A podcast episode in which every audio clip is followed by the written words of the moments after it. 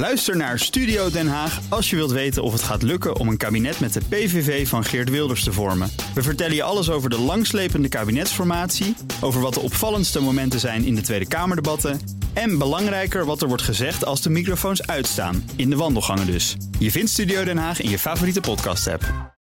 Hammelburg en Haan.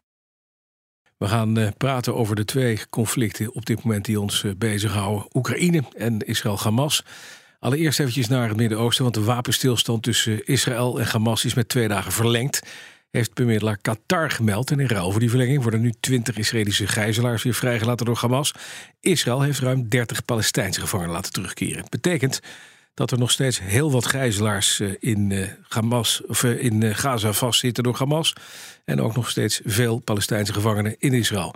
We gaan erover praten met Bernard Hammelburg, onze buitenlandcommentator. En Geert-Jan Haan, onze Europa-verslaggever. Mannen, goedemorgen. Goedemorgen. Goedemorgen. Eerst even Bernard, dit uh, uh, verhaal uh, staakt het vuur, twee dagen verlengd. kan dat betekenen dat het hierna weer verlengd wordt en weer verlengd wordt en weer verlengd wordt? Het zou kunnen. In de eerste plaats, Netanyahu zegt van niet. Hè? Nou. Die zegt, we staan echt op het punt om de oorlog te hervatten. Maar de druk op, om, om dit te verlengen en dit systeem door te zetten is enorm. Mm -hmm. En die druk komt van twee kanten, namelijk uit het buitenland. Bijna ieder land in de wereld zegt nu: jongens, pak dit nou aan om van een uh, gevechtsonderbreking te gaan naar een wapenstilstand of een bestand. Mm -hmm. um, en uh, van binnenuit, omdat de Israëlische bevolking ook zegt: ja, het allerbelangrijkste voor ons is toch uh, echt het lot van die gijzelaars. Ja. En er zijn er nog 170. Mm -hmm. Uh, dus, dus ze moeten nog een eind. Ja. En de hoop bestaat dat uh, bijvoorbeeld Qatar en Egypte, dat instrumenteel zijn bij de onderhandelingen hierover, hm. in staat zouden zijn om op ditzelfde.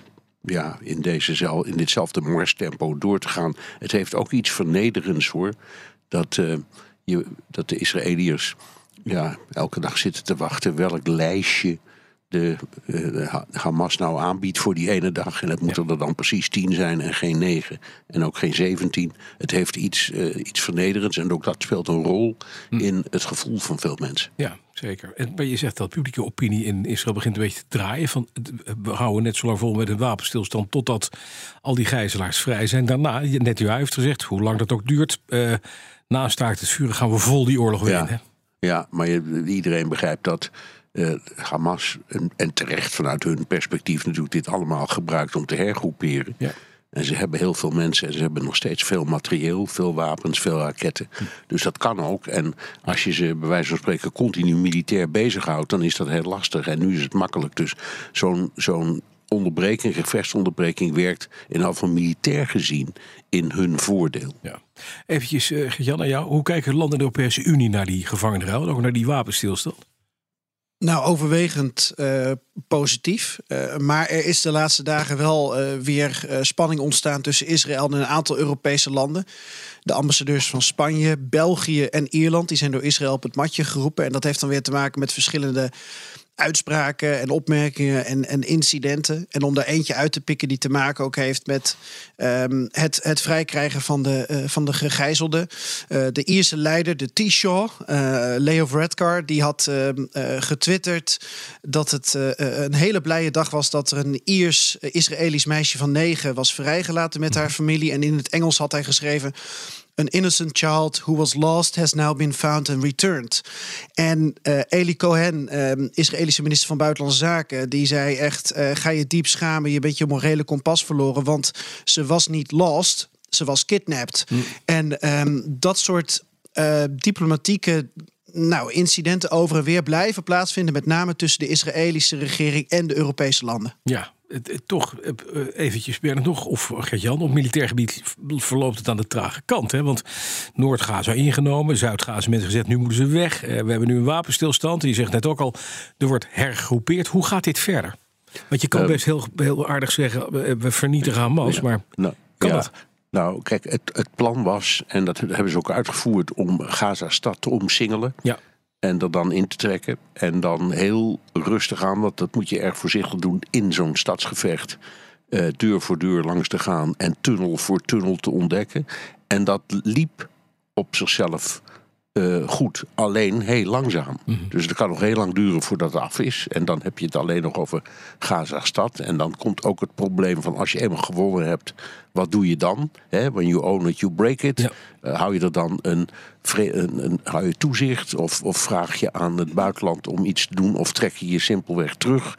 Dus die, die vragen spelen nog. Maar op zichzelf liep, eh, de, ja, dat klinkt niet aardig vanwege de ongelofelijke hoeveelheid slachtoffers in Gaza. Maar zeg, vanuit puur militair perspectief gezien liep die strijd best goed. Alleen het vooruitzicht wacht dat dat nog zeker één of misschien wel twee maanden, Maanden kan duren. duren voordat je dat helemaal onder, contro- onder controle hebt. Ja. En dan kom je echt, dan stuit je echt op een wal van vooral internationaal onbegrip. Ja.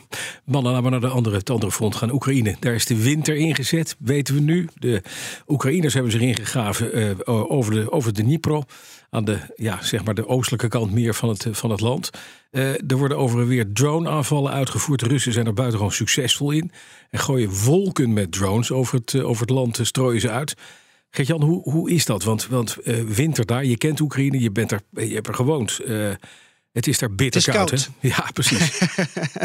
nou ja, en niet alleen in het oosten, ehm, maar ook eh, eh, in Kiev winters van, eh, van min eh, 26 ploegend door de sneeuw Ja. eh, meegemaakt. Ehm, even kijken, waar zouden we kunnen beginnen? Nou, allereerst dat je merkt dat er nog steeds heel hard gevochten wordt. Jens Stoltenberg, NAVO-baas, die zei gisteren ook nog... ja, dit zijn misschien wel de meest intensieve gevechten sinds het begin van de oorlog. En dan denk je met dat winterweer, ja, hoe is het mogelijk? Maar dan kijk je naar Afdivka, aan het front in de Donbass... en daar worden nog steeds door Oekraïne cijfers van Russische gesneuvelden vrijgegeven... van rond de duizend per dag. Ehm, dan heb je inderdaad eh, ook te maken met, eh, waar je het eerder met Marten Kruijf over gehad... met problemen aan het front, zoals bevriezingsverschijnselen bij soldaten. Maar je hebt ook te maken met dat drone-aanvallen... eh, als er heftige sneeuwbuien zijn, dat die heel moeilijk worden. Want eh, ze worden minder bestuurbaar. Dat geldt ook voor eh, artillerie. En zo zijn er dus allerlei complicaties die optreden. Maar tegelijkertijd blijft er dus ehm, eh, ja, heel hard gevochten worden. En ehm, zie je met name, om dat bruggetje maar te maken... dat er een heel groot probleem voor Oekraïne ontstaat... als het gaat om bemensing. Je kent het verhaal, Bas. Oekraïne heeft minder mensen dan Rusland. Oekraïne zit op 36 miljoen mensen, denken we. Eh, dat waren er in 2020 nog 44. Niemand weet precies hoeveel Oekraïners er in het buitenland zijn... of hoeveel er zijn omgekomen. Maar, omgekomen. maar als je kijkt naar een populatiepyramide, dan zie je dat er een enorme hap uit de jongere bevolking van de Oekraïne is en wordt genomen. Oekraïne heeft nauwelijks twintigers meer. Dus er gaan ook dertigers en veertigers naar het Op het front front, ja. Voor conditioneel zwaar eh, eh, infanteristisch werk bijvoorbeeld. En ehm, ja, het, het- ze dreigen dus op te raken, de vitale en fertiele twintigers, zeg ik maar gelijk even bij. Ja. Als je deze generatie sloopt. Hoe krijg je dan nieuwe kinderen gechargeerd gezegd? Dus Oekraïne staat om die reden voor een gigantische keuze. En dat is ook tot slot wat ehm, generaal Zelensky, denk ik, onder andere bedoelde met dat er nieuwe technologie nodig is voor Oekraïne om deze oorlog te winnen. Technologie die ook tot minder slachtoffers leidt. En ja, ehm, je gaat dus ook niet alles en iedereen deze winter slopen, want je hebt ze heel hard nodig na de winter. Ook Thomas van Zeil vind je in de BNR-app. Je kunt live naar mij luisteren in Zaken doen, de BNR-app met breaking news, het laatste zakelijke nieuws en je vindt er alle BNR-podcasts, bijvoorbeeld Het Nieuwe Geld. Download nu de gratis BNR-app en blijf scherp.